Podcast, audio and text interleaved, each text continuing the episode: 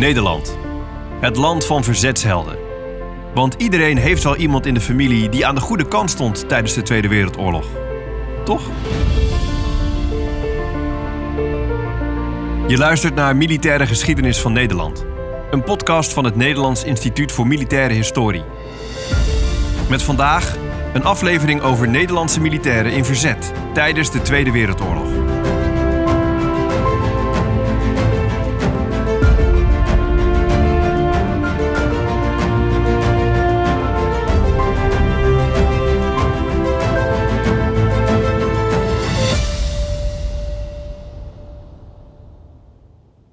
Het is een hardnekkige mythe, de verzetsmythe. Nederland als dapper land, dat massaal in verzet komt tegen de Duitse bezetter. De waarheid is natuurlijk dat de meeste Nederlanders niet de keuze maakten om in het verzet te gaan. Extreme omstandigheden vragen om extreme keuzes, om uiterste, om solidariteit, om lef en moed. En wanneer de nood het hoogst is, is er altijd een aantal mensen dat opstaat om te strijden voor waar zij in geloven. Of het nu kleine of grote daden van verzet zijn. Onder hen zijn ook militairen. van het ANP. Het Algemeen Hoofdkwartier deelde ons hedenochtend om kwart over vijf het volgende mede. Van drie uur af hebben Duitse troepen de grens overschreden. Vliegaanvallen zijn geprobeerd... Zonder oorlog geen verzet. Het begint allemaal met de Duitse inval op 10 mei 1940. Na verbetergevechten bij onder andere de Grebbeberg, de Afsluitdijk en Dordrecht is de strijd eigenlijk al na vijf dagen gestreden.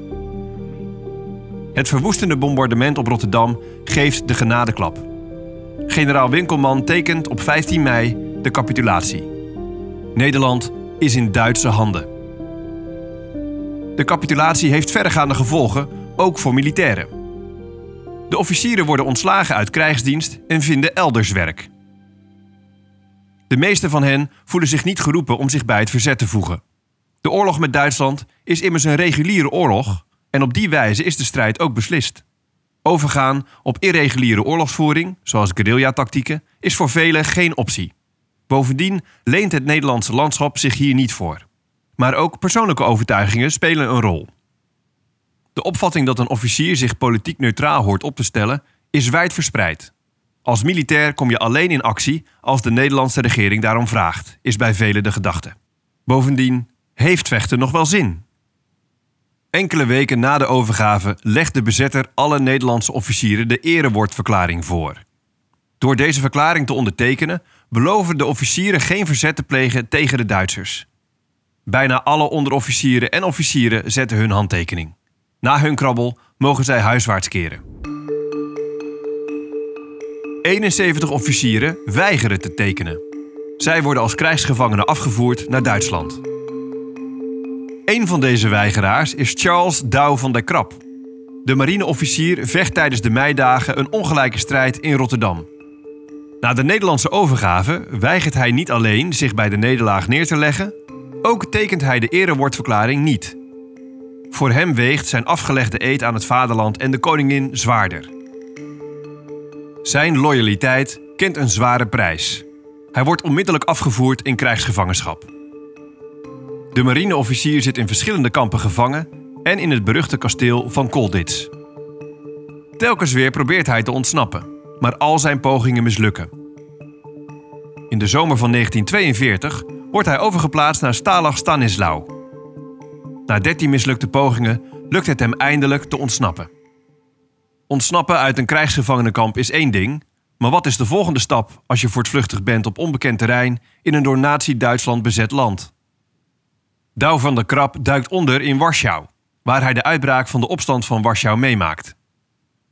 In augustus 1944 zet hij weer voet op Nederlandse bodem. De officier belandt bij de landelijke knokploegen, vlak voor Dolle Dinsdag en de slag om Arnhem. Hij ziet met eigen ogen hoe vliegtuigen de spoorbrug bestoken en hoe parachutisten landen. Vastbesloten om deel te nemen aan de strijd om de bevrijding, meldt hij zich aan bij de Britse luchtlandingsdivisie. Samen met andere Nederlanders vormt Douw van der Krap het Oranje Legioen, een paramilitaire groep binnen de Britse gelederen. Enkele dagen later, als de kansen voor de geallieerden flink geslonken zijn, wordt het Oranje Legioen weer ontbonden, zonder daadwerkelijk actie te hebben gezien. Luisteraars, de strijd bij Arnhem en Oosterbeek is volstreden. Enkele resten van de eerste Britse luchtlandingsdivisie hebben zich in de nacht van maandag op dinsdag teruggetrokken over de Rijn. Het verzet van de anderen werd gisteren door de Duitse overmacht gebroken. De strijd bij Arnhem en Oosterbeek is niet vergeefs geweest. Het offer van de Britse luchtlandingsdivisie heeft de rijke vrucht afgeworpen. Maar dat offer vond zijn hoogste zin in zichzelf. In een week tijds is Arnhem voor de ganse Engels sprekende wereld geworden tot een symbool van taaiheid en doorzettingsvermogen. Arnhem, eens onze bloemenstad. In oktober krijgt Douw van der Krap een nieuwe kans tijdens operatie Pegasus. Deze militaire actie is bedoeld om geallieerde militairen die door het verzet verborgen zijn gehouden naar bevrijd gebied over te brengen. Met het oversteken van de Rijn gaat Douw van der Krap na ruim vier jaar eindelijk zijn vrijheid tegemoet. Vanwege zijn uitstekende daden van moed, beleid en trouw wordt Douw van der Krap in 1949 tot ridder militaire Willemsorde geslagen. De marineofficier is één van de vele voorbeelden van militairen in verzet tijdens de Tweede Wereldoorlog. Dat verzet een individuele keuze is, staat vast. Maar veel verzetstrijders groeperen zich ook en bundelen de krachten. Zo ontstaat er steeds meer verzet in georganiseerd verband waar ook militairen bij betrokken zijn. Een van die organisaties is de Ordedienst. De Ordedienst wordt vlak na de Nederlandse capitulatie opgericht. Het initiatief hiervoor ligt bij Johan Westerveld. Als reserveluitenant-kolonel diende hij tijdens de mobilisatie en meidagen bij de artillerie. De Ordedienst wordt opgericht met een duidelijk doel voor ogen: voorsorteren op een Duitse nederlaag. Het idee is dat er, na een onvoorwaardelijke overgave van de Duitse troepen, geen wanorde in het land moet ontstaan. De Ordedienst moet dan, de naam zegt het al, de orde bewaken. De Ordedienst is in het hele land actief. Vanuit het hoofdkwartier in Den Haag worden instructies en richtlijnen naar de gewesten gestuurd, die door de plaatselijke commandanten worden opgepakt. Het militaire karakter van de Ordedienst is nadrukkelijk aanwezig. Qua structuur is het hoofdkwartier eigenlijk net zo ingericht als het hoofdkwartier van de vooroorlogse landmacht. Jezelf zomaar vrijwillig aanmelden bij de Ordedienst is er niet bij. De organisatie werkt op basis van vertrouwen en een ons kent ons sfeer. De onderlinge banden die tijdens de mobilisatie en meidagen zijn ontstaan, spelen vaak een belangrijke rol. Toch blijft deelname onder militairen beperkt. In overgrote meerderheid hebben zij de erewoordverklaring getekend, waarin zij juist beloven geen verzet te plegen. Daarnaast is er veel onduidelijkheid over de algemene militaire situatie. Durf je wel in verzet te komen als je niet weet wat je kansen zijn? Ook treedt de Duitse bezetter meedogenloos op tegen het verzet. In de loop van 1941 arresteert de Duitse Sicherheidsdienst steeds meer leden van de ordedienst. Tientallen van hen worden een jaar later tot zware straffen veroordeeld tijdens het proces van 72. 72 naar het aantal veroordeelden. Allen verzetsmensen. Naast OD'ers ook verzetstrijders uit groepen die nauw samenwerken met de ordedienst. 71 van de 72 worden ter dood veroordeeld. Onder hen ook Westerveld. De executie wordt voltrokken in concentratiekamp Sachsenhausen ten noorden van Berlijn. Als klap op de vuurpijl komt er in april 1942 een bevel vanuit Duitsland dat alle beroepsofficieren zich moeten melden voor krijgsgevangenschap. Honderden officieren geven hier gehoor aan, wat een zware aderlating is voor de ordedienst. Enkele maanden na het proces krijgt de OD een doorstart. Dit keer onder leiding van Pieter Six. Ook Six is een oud-militair die tijdens de meidagen bij het eerste regiment Huzaren diende. Een van de organisaties die nauw samenwerkt met de ordedienst is de verzetsgroep van Richard Schoemaker. Deze lokale groep uit Delft houdt zich vooral bezig met het verzamelen van zoveel mogelijk wapens en militaire inlichtingen. Een van de bekendste verzetsdaden van de groep is de liquidatie van Hugo de Man. Deze 19-jarige collaborateur is lange tijd actief binnen het verzet. Nadat hij door de Duitsers is gearresteerd, wordt hij voor hen informant. Zijn verraad moet hij bekopen met de dood. De Duitse autoriteiten treden hard op na de liquidatie. Er wordt een klopjacht gestart op het verzet. Een van de leden van deze verzetsgroep is marineofficier in opleiding, ofwel Adelborst, Erik Roest. Maar we hebben ook in, in, in Delft, met de studenten die daar waren, ook contacten gehad. En toen is uiteindelijk dat de reden van mijn arrestatie geweest. Er is namelijk in Delft in de tijd een uh, Delft student uh, gearresteerd door de Duitsers. En die is na een paar maanden weer vrijgelaten. En toen waren ze allemaal heel blij en hebben hem helemaal weer verteld hoe de zaak in elkaar zat. Maar toen werden ze gewaarschuwd vanuit de gevangenis dat dat een foute jongen was. Dus ze hebben hem s'avonds meteen weer even opgehaald. Hebben hem uh, vermoord. Aan een steen gebonden en in de gracht gegooid in Delft. Maar die steen zat niet goed vast. Dus hij kwam uh, bovendrijven. En dat is de Delftse moordzaak geworden. De politie van Rijswijk arresteert Roest twee weken na de moord. Hij wordt urenlang verhoord, maar er wordt geen overtuigend bewijs voor zijn betrokkenheid gevonden. Hij wordt vrijgelaten. Dat is niet voor lang. Twee dagen later wordt hij opnieuw opgepakt.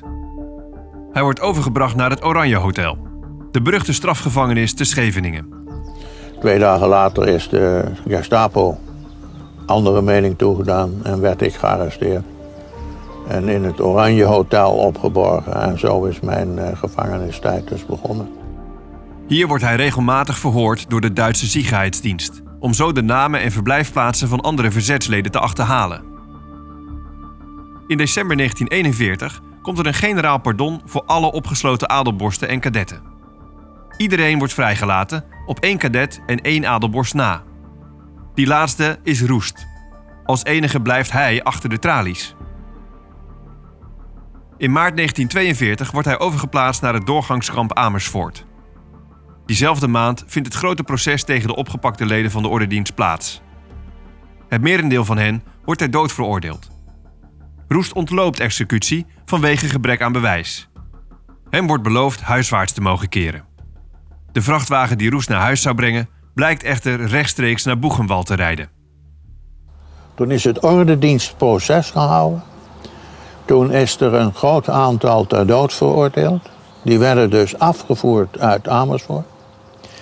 En er zijn er 16 zogenaamd abgetrend. Van die uh, jongens die kunnen we niks bewijzen. Dus die gaan ook maar die uh. En we moesten aantreden, we kregen ons burgerpak weer aan en we moesten een verklaring tekenen dat we niks zouden vertellen over wat we meegemaakt hadden. En we kregen de verplichting om als we thuis waren ons bij de politie te gaan melden. Er stonden er twee vrachtwagens klaar om ons weg te brengen. Maar er zaten wel vier groene politie per auto in. En we gingen de hele andere kant op. En toen kwamen we in Boegenwald terecht uiteindelijk, via Düsseldorf. Hier werkt hij lange tijd als dwangarbeider. Twee jaar na zijn aankomst wordt hij aangemerkt als nacht- und nebel-gevangene. Een speciale strafaanduiding die feitelijk zijn doodvonnis betekent. In april 1944, eh, dat ik weer moest, moesten we weer allemaal aantreden, een hele, nou ja, mannen vonden. En toen werden wij dus, uh, kwamen we erachter dat wij waren NN-heftelingen geworden, nacht- und nebel. En dat betekende dat van deze lui, die moeten in de nacht und nebel verdwijnen en die willen we niet meer terug hebben. Hij wordt overgeplaatst naar Mittelbouw Dora. Berucht vanwege de ondergrondse productie van de V1's en V2's, de Duitse Vergeltungswaffen. Hier ziet hij van dichtbij hoe ook in de kampen verzet wordt gepleegd. En daar ben ik ook voor het eerst dat, er ook, dat ik ook gezien heb dat er dus mensen saboteerden. Eh, je had geen schoenveters, dus dan vond je een stukje elektrisch draad, dat deed je erin. Maar Russen deden dat niet. Die sneden een stukje draad uit een V1 en dat deden ze in hun schoenen. En daar werden ze ook wel eens op betrapt en er werden ze opgehangen. En dat werd allemaal in het openbaar gedaan. En dus, om te zorgen dat we dat allemaal uh, goed in de gaten hadden dat dat niet mocht. Evacuatie uit dit kamp volgt in april 1945, als de Amerikaanse troepen naderen. Treinen brengen de gevangenen over naar een nieuw onderkomen, concentratiekamp Ravensbrück. Ook in dit kamp is Roest dicht bij het meemaken van de bevrijding. Het Rode Leger is al tot vlakbij genaderd wanneer opnieuw wordt geëvacueerd. Tijdens de verplaatsing besluit Roest de benen te nemen. Na de oorlog pakt hij zijn opleiding als adelborst opnieuw op. Een imposante carrière volgt die eindigt als bevelhebber der zeestrijdkrachten. Voor anderen loopt het minder goed af. Naast militairen die in verzet gaan, zijn er ook veel burgers die hen te hulp schieten. Een voorbeeld van deze samenwerking tussen militairen en het verzet is de pilotenhulp. Koba Pulskens is een ongehuwde Brabantse vrouw, wonend in Tilburg. Tijdens de oorlog komt haar broer Nico langs met de vraag of zij misschien Joden in huis wil nemen. Waar geholpen moet worden, zal ik helpen, zegt ze. In twee jaar tijd schuilen er verschillende Joden en verzetsmensen bij haar. Hier gaat ze soms wat roekeloos mee om. Zo is Pulskens op een Koninginnedag met haar onderduikers een oranjebittetje gaan drinken in het lokale café. Ook neemt ze twee Joodse meisjes gewoon mee naar buiten voor een ommetje. Och, die meisjes kunnen toch maar niet steeds binnen blijven zitten, zou ze hebben gezegd. In juli 1944 besluit Pulskens ook drie geallieerde vliegers een schuilplaats aan te bieden. De Engelsman Ronald Walker is enkele dagen eerder waarschijnlijk bij Bergijk neergestort. In Nune ontmoet hij de Australiër Jack Nutt. Via verschillende adressen komen ze uiteindelijk bij Pulskens in Tilburg terecht. Het verzet brengt ook de Canadese oorlogsvlieger Roy Carter bij de Brabantse onder. Het is de bedoeling dat er nog twee vliegers onderdak vinden bij Pulskens. Sterker nog, het lokale verzet is al onderweg met hen. Omdat de avondklok is ingegaan, wordt de auto van de groep staande gehouden en iedereen wordt gearresteerd. Tijdens het verhoor komt aan het licht dat er bij Pulskens nog drie vliegers ondergedoken zitten. De ochtend erna, het is 9 juli 1944, omsingelt de Duitse Ziegenheidsdienst het huis van de Tilburgse.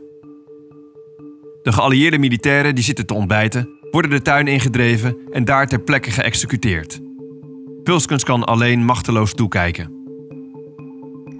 Na de executie krijgt Pulskens opdracht om boven een laken te halen om over de lijken heen te leggen. Het verhaal gaat dat zij terugkomt met een Nederlandse vlag. Verschillende getuigen zeggen dit gezien te hebben. Anderen spreken dit tegen.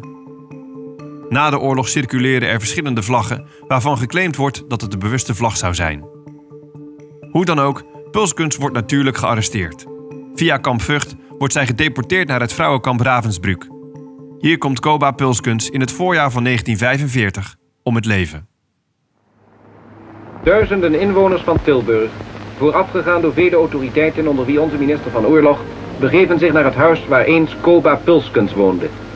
Aan de pui van dit huis wordt een gedenksteen onthuld om deze moedige illegale werkster, die in Ravensbrück om het leven kwam, te eren. Tot degenen die in haar huis in de bezettingsjaren een onderdak vonden, behoorden vele geallieerde piloten.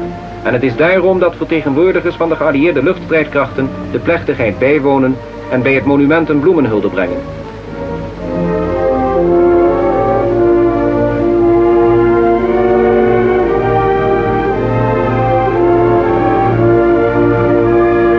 Weer is een monument toegevoegd aan de vele die overal in ons land reeds zijn opgericht. Opdat wij niet vergeten.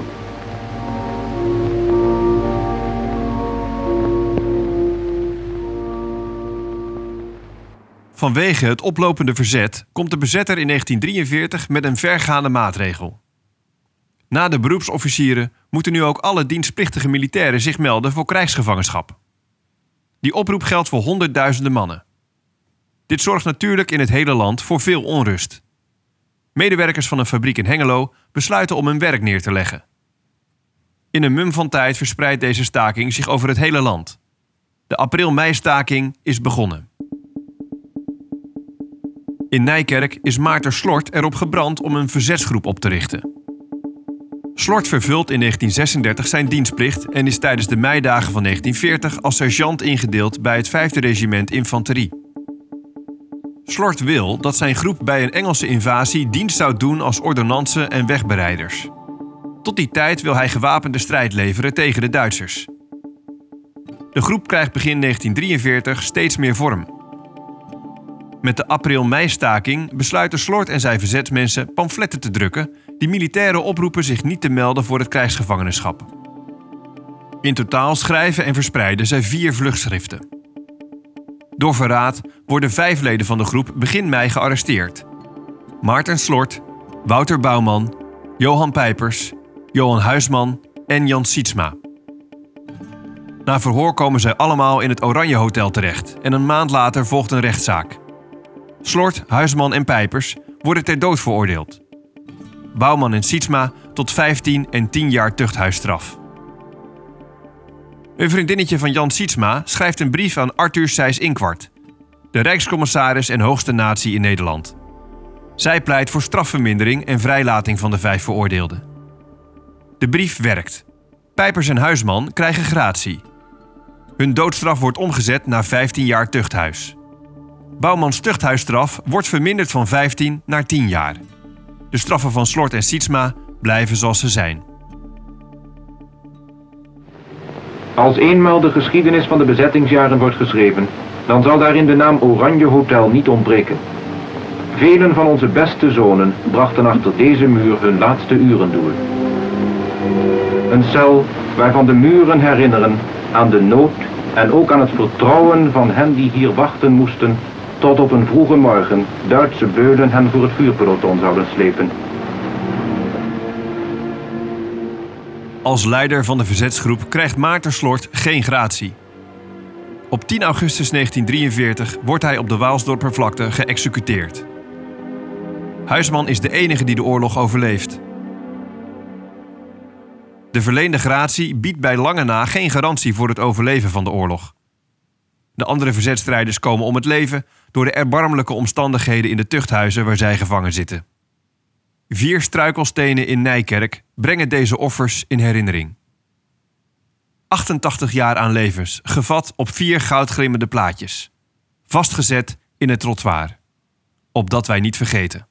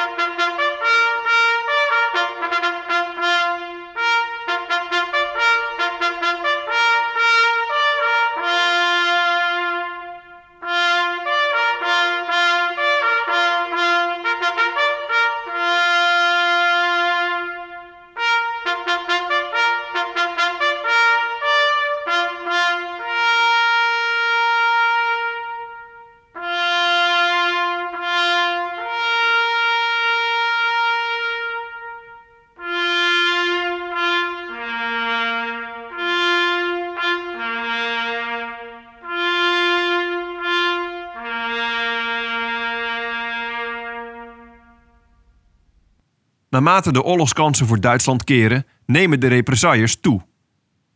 Verzetslieden worden zonder proces of met schijnproces veroordeeld tot een kille executie in de duinen van Bloemendaal, de luwte van de Waalsdorpervlakte, of ze krijgen een enkele treinreis naar het oosten, bestemming onbekend. Als de bevrijding van Nederland steeds dichterbij komt, worden de binnenlandse strijdkrachten opgericht. Alle grote verzetsorganisaties gaan hierin op en worden onder bevel van prins Bernhard geplaatst. De grootste organisaties zijn de landelijke knokploegen, Raad van Verzet en natuurlijk de Ordedienst. Deze nieuwe koepelorganisatie brengt al deze organisaties samen. Voor de Ordedienst betekent het dat ze eindelijk kan doen waar ze voor in het leven is geroepen: het bewaken van de orde en rust in het machtsvacuum van de bevrijding. Landgenoten, het uur van uw bevrijding is aangebroken. De vijand heeft de wapenen neergelegd. Uw lijden tijdens de bezetting heeft ontsteltenis teweeggebracht in de gehele beschaafde wereld. Maar niet alleen ontsteltenis. Uw kracht en doorzettingsvermogen, uw vaderlandsliefde en trouw aan uw beginselen hebben overal bewondering gewekt en hebben ons land en volk onuitwisbare achting geschonken. Bedenkt echter dat vrijheid niet zonder verantwoordelijkheid verworven kan worden. Laat u niet op dit verwarrend ogenblik door zelfoverschatting tot onbezonnen daden verleiden. Laat daarentegen Nederlandse nuchterheid zwaarder wegen dan opwellingen van het ogenblik.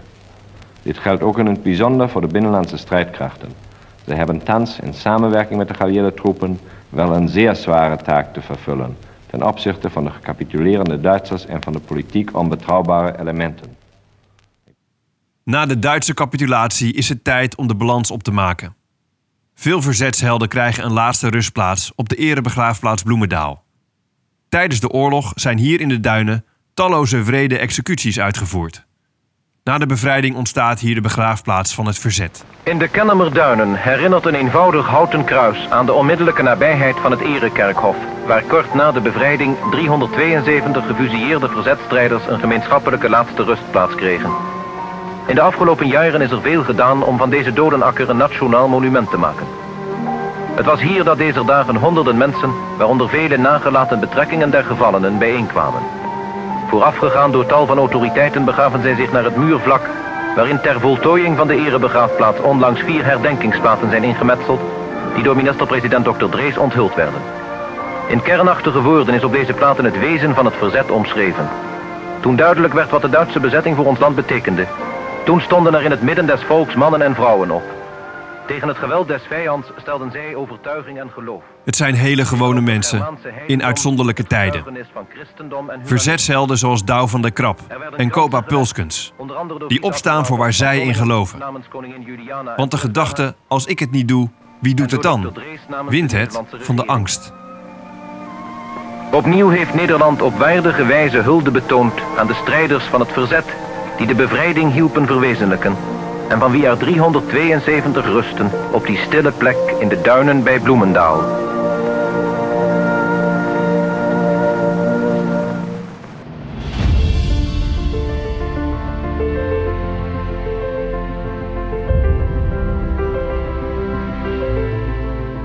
Militaire Geschiedenis van Nederland is een productie van het Nederlands Instituut voor Militaire Historie en het podcastkantoor. Deze aflevering is gemaakt door Tessa Mulders en Ricardo Sietsma. Presentatie werd gedaan door mij, Herman Hofman. Met in deze aflevering speciale dank aan Nicolette Fabe Witteberg en Erwin van Loo. Mocht je dit een goede aflevering vinden, laat dan vooral even een review achter, zodat we beter vindbaar worden voor nieuwe luisteraars. Wil je meer weten over de Nederlandse militaire geschiedenis? Kijk ook eens op nimh.nl.